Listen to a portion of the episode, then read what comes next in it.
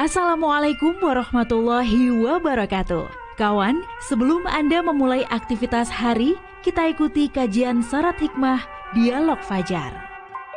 Assalamualaikum warahmatullahi wabarakatuh. Alhamdulillah kawan, pagi hari ini kita bertemu kembali saya Fitriana Ayu di program Dialog Fajar. Tentu tidak sendiri di studio sudah ada Ustadz Ali Muafa dari pesantren Al-Quran Nurul Falah Surabaya. Assalamualaikum Ustadz Ali. Waalaikumsalam warahmatullahi wabarakatuh. Insya Allah, lama gak ketemu Ustadz ya. Nah, itu. Sehat ya Ustadz ya? Alhamdulillah, alamin. Alhamdulillah. Terima kasih Ustadz Ya. sudah menyempatkan ke Suara Surabaya kembali dan tiap harinya kita eh, apa istilahnya ya menimba ilmu, mengkaji. Hmm, kan ya. Allah itu juga mewajibkan kita untuk sholat, melakukan ibadah-ibadah begitu ya Ustadz ya. Iya, iya. Ada ibadah wajib, ada juga ibadah sunnah. Sunnah. ya. Kemudian ada perintah yang mana Allah itu juga eh, jangan menghardik anak yatim gitu, Hmm. Insya Allah. Itu kenapa sih Ustadz ada perintah seperti itu? Kira-kira Hmm. ini Allah ini mewajibkan kita harus menjadi umat yang seperti apa Ustadz Ali? Iya, oh enggak, iya. selengkapnya bersama. Ustadz Ali Muafa. Baik, bismillahirrahmanirrahim. Assalamualaikum warahmatullahi wabarakatuh. Waalaikumsalam warahmatullahi wabarakatuh. Bismillahirrahmanirrahim. Alhamdulillahirabbil alamin. Allahumma shalli wa sallim wa barik ala sayyidina Muhammad wa ala alihi wa sahbihi ajma'in. Bersyukur kawan kepada Allah Subhanahu wa taala dan tadi Mbak Ayu bilang Allah mewajibkan ini, mewajibkan itu. Iya, Allah juga melarang ini, melarang itu gitu. betul. Saya tiba-tiba ingat Mbak Ayu, Iya. ada satu hadis yang judulnya, judulnya ya. Mhm. eh, melaksanakan perintah Allah, meninggalkan larangan Allah, pasti masuk surga. Allah. Begitu. Ringan ya kelihatannya ya. iya iya iya. Tadi Mbak Ayu kawan ini eh, menyampaikan ke kita bahwa Allah memerintahkan begini, memerintahkan begitu, Mm-mm. termasuk Allah melarang ini, melarang itu ya. Itu sebagai bukti Mbak Ayu bahwa Allah itu sangat menyayangi kepada kita semuanya. Hmm. Mungkin di antara bahasa yang diredaksikan di dalam Al-Quran itu, di antaranya Allah memang memerintahkan, melarang ya. Mm-mm. Bahkan ada gaya bahasa tertentu yang jenis larangannya itu tidak larangan sembarangan. Begitu ya, kalau kita ekspresikan di bahasa kita itu ya nampaklah kalau ini serius sekali larangannya atau eh, eh, perintahnya serius sekali begitu kira-kira. Nah, eh, rasa cintanya Allah pada kita itu diformulasi, diformulasikan dengan berbagai cara, termasuk melarang ini, melarang itu, memerintah ini, memerintah itu. Lalu tadi yang menarik, Mbak Ayu adalah menghardik, menghardik anak yatim ya tadi ya. Iya betul Ustaz. Dalam bahasa Al-Quran itu kalau tidak keliru di dalam surat Al-Ma'un ya, Al-Ma'un. Al-Ma'un itu ada dalam bahasa Al-Quran itu ada kalimat atau kata yatu'u. Yatu'u itu menghardik Hmm, hmm, al yatim, anak yatim. hmm. Nah kawan, jadinya kita berpikir ya, kenapa eh, di situ kan hmm, susunan kalimatnya kan Allah itu membeber di hadapan kita. Mm-mm. Tahukah engkau bahwa di dunia ini ada orang yang mendustakan agama? Hmm, Serius sekali dan menakutkan. mhm. Saya masih ingat ketika dulu di SD ya ada namanya hafalan surat-surat pendek itu Mm-mm. lalu ada artinya sebenarnya sih nggak mengerti tapi kok takut begitu mendengar Hmm, hmm, apakah kau nggak tahu kalau ada orang yang mendustakan agama? Begitu ya. Hmm, guru itu mengajarkan seperti itu. Hingga sekarang kalimat guru itu tadi masih terkesan hmm. pada pikiran saya. Waktu itu sangat takut.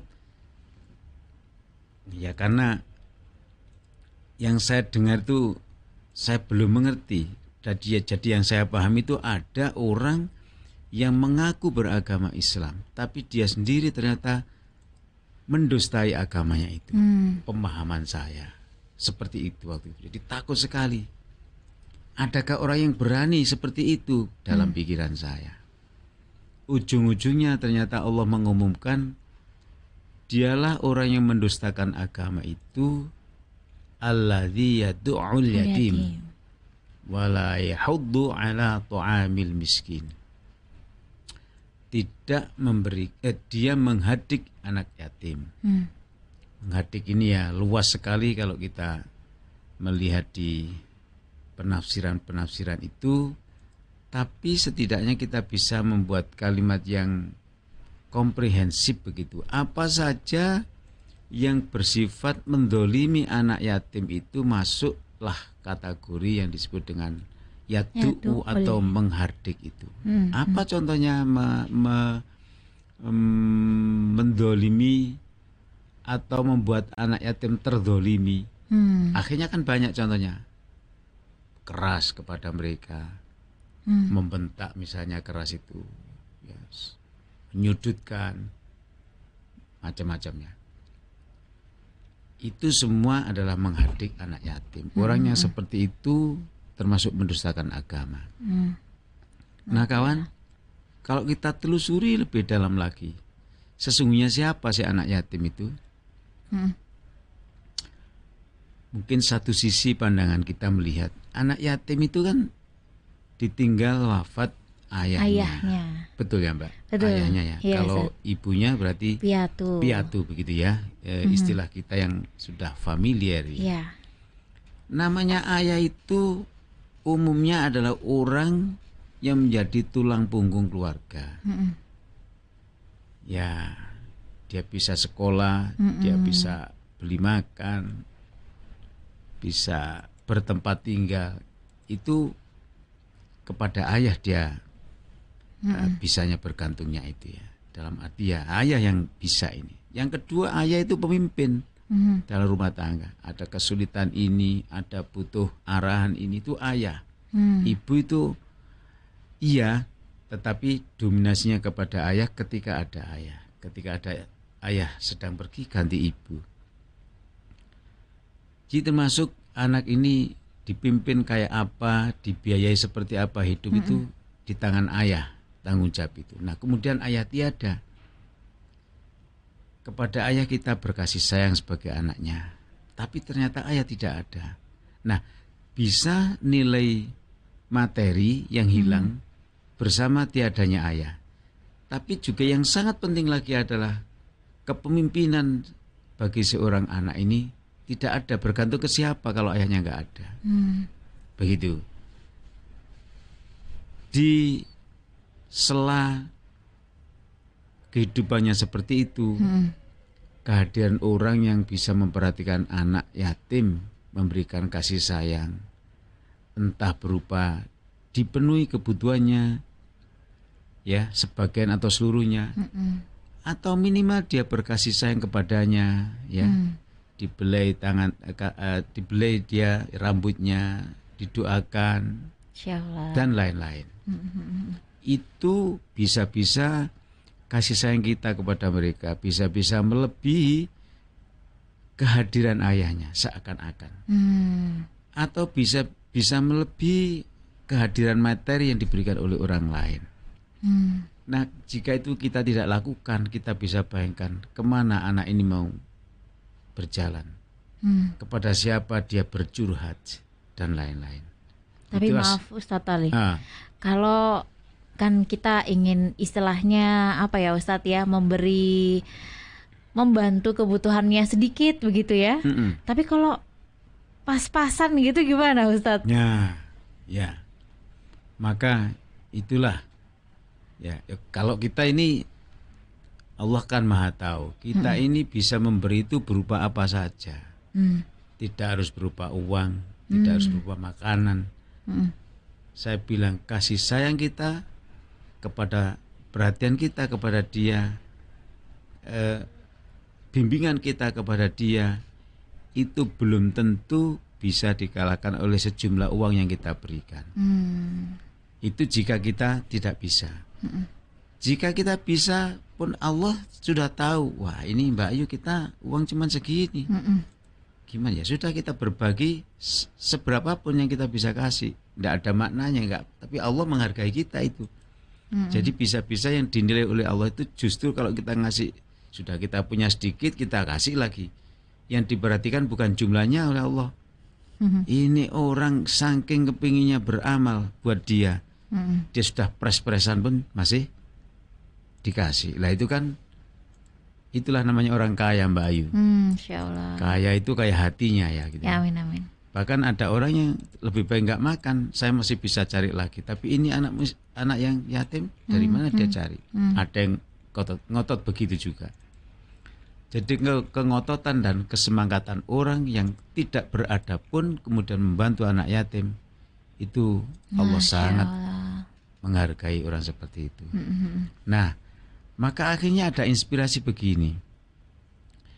Makanya Allah itu ya Mm-mm. itu mendorong agar kita menjadi orang yang berada. Hmm, Allah. Coba kita ingat-ingat ya salah satu firman Allah A'udzubillahi minasyaitonirrajim wala tansa nasibaka minad dunya wa ahsin kama ahsanallahu ilaika wala tabghil fasada fil ardi innallaha la yuhibbul mufsidin. Intinya dalam ayat ini saya potong satu kalimat Mm-mm. wala tansa nasibaka minad dunya. Janganlah kita itu melupakan, melalaikan, meninggalkan, meniadakan kehidupan dunia, Hmm. kenikmatan dunia. Salah satu contoh apa? Harta.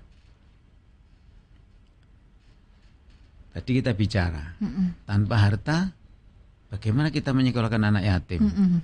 Nah, bayangkan kalau seluruh orang nggak mau dengan uang, terus anak yatim sekolahnya siapa yang nanggung? Mm-mm. Nah itu, Iya, iya. maka Masya saya Allah. bilang kalau sudah begini saya bilang maka Allah itu yang mendorong kita atau bahkan mungkin mengharuskan kita untuk memfasilitasi kekurangan-kekurangan yang terjadi di, dunia ini. Terus gimana caranya? Kita harus berduit. Mm-mm.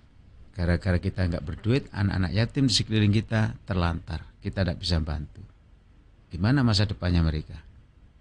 Satu, ya, Mhm. saking hebatnya sampai Rasulullah itu, ana wakafil yatim fil jannah. Saya ini akan berdampingan kayak manten gitu ya Mm-mm. dengan Rasulullah. Orang yang menanggung memperhatikan anak yatim itu akan berdampingan dengan Rasulullah dalam surga. Kira-kira kayak manten Masya jejer luru gitu. Masya Allah, segitunya loh ya. Iya, iya, iya. iya. Makanya beberapa donatur saya dulu itu Mhm. ya konsultasi. Saya bilang gimana ini Ustadz kalau saya selain ke pesantren Nurul Falah juga ada anak yatim. Uh, itu surga saya bilang. Masya Allah. Ustaz. nggak ngerti ternyata. Maksudnya gimana? Nah itu tadi saya bacakan hadisnya, akhirnya tidak tidak lagi dia mengirim hartanya ke yatim piatu saja, tapi langsung dipungut itu anak yatim, Masya disekolahkan di Allah. rumahnya, ditaruh di rumahnya, dijadikan anak, disekolahkan. Saya bilang ditarget, nanti katakan anak itu sudah bisa bekerja, boleh dilepas ganti yang lainnya. Hmm. Nah begitu. Masya Nah. Ini hal-hal penting ya. Mm-mm. Jadi orang tidak mau dengan harta itu ya mungkin ya ada alasan tersendiri ya. Ya, Ustaz. Tapi kalau kita punya harta ban- banyak Mm-mm. itu karena kita mau ngurus banyak urusan ini. Hmm. Sekarang kalau kita ada anak yang bukan yatim lah, sekarang anak duafa, repot lagi. Mm-mm. Punya ayah, punya ibu, tapi memang sangat lemah ekonominya. Dia mau berbuat apa? Mau sekolah nggak bisa. Ada kasus kapan hari dia sudah kuliah, kemudian di tengah-tengah jalan dia keluar. Setelah kita coba wawancari, kenapa nggak jadi kuliah? Karena eh, orang tua kami tidak bisa membiayai. Hmm. Jadi adiknya disuruh kuliah, dia yang bekerja. Langsung saya panggil dia. kamu ini calon surga. Saya bilang, loh, Ya kenapa Ustaz? Karena Allah akan memberikan kehebatan di dunia dan di akhirat nanti, Insya terutama bagi orang-orang yang sampai mengorbankan sekolahnya, tapi dia cari harta untuk menyekolahkan adiknya. Adiknya, Insya Allah. Ini luar biasa. Akhirnya dia bangkit dan bahkan akhirnya saking semangatnya bekerja, dia bia- bisa sekolah lagi. Loh, gitu loh. Jadi Hmm. eh, ini penting ya, kawan. Kita bisa berbuat banyak, bisa menyekolahkan, menyekolahkan anak, Hmm. bisa membantu orang miskin, bisa membangun sarana ibadah, bisa bikin apa-apa yang manfaat untuk orang orang yang lain. Ketika kita punya banyak duit, nah, Hmm. maka yang paling penting niatnya kita banyak duit itu adalah untuk berbagi, untuk kemaslahatan umat. Maka niatan niat saja itu tadi, niat saja itu sudah sudah dicatat Catat. oleh Allah ha, bahwa kita akan berbuat baik. Kawan mudah-mudahan pagi yang cerah ini kita bicara kita menjadi orang berada demi Masya juga Allah. Amin, eh, amin, amin. kebaikan kepada orang lain. Mudah-mudahan kita menjadi orang yang seperti itu, Mbak Ayu ya. Amin, amin, amin. Berada apa pun ya itu Ustadz ya. Iya. Kaya sabarnya, kaya rezekinya, Mm-mm. kaya baiknya, wah semuanya, Iya. masya Allah. Betul, betul. Dan itu sudah dianjurkan oleh Allah Subhanahu Wa Taala. Iya. Insya Allah. Terima kasih Ustadz Ali. Sama-sama. Dan terima kasih juga kawan. Saya Fitriana Ayu bersama Ustadz Ali Muafa pamit. Wassalamualaikum warahmatullahi wabarakatuh. Waalaikumsalam warahmatullahi wabarakatuh. Program Dialog Fajar yang baru Anda simak kerjasama Suara Surabaya dan Pesantren Al-Quran Nurul Falah Surabaya, lembaga dakwah yang amanah, profesional, dan berbasis Al-Quran. Pesantren Nurul Falah mencetak guru-guru Al-Quran dengan metode tilawati dan tafidz Al-Quran. Informasi dan pemberian donasi hubungi 031 828 1278 atau nurulfalah.org. Wassalamualaikum warahmatullahi wabarakatuh.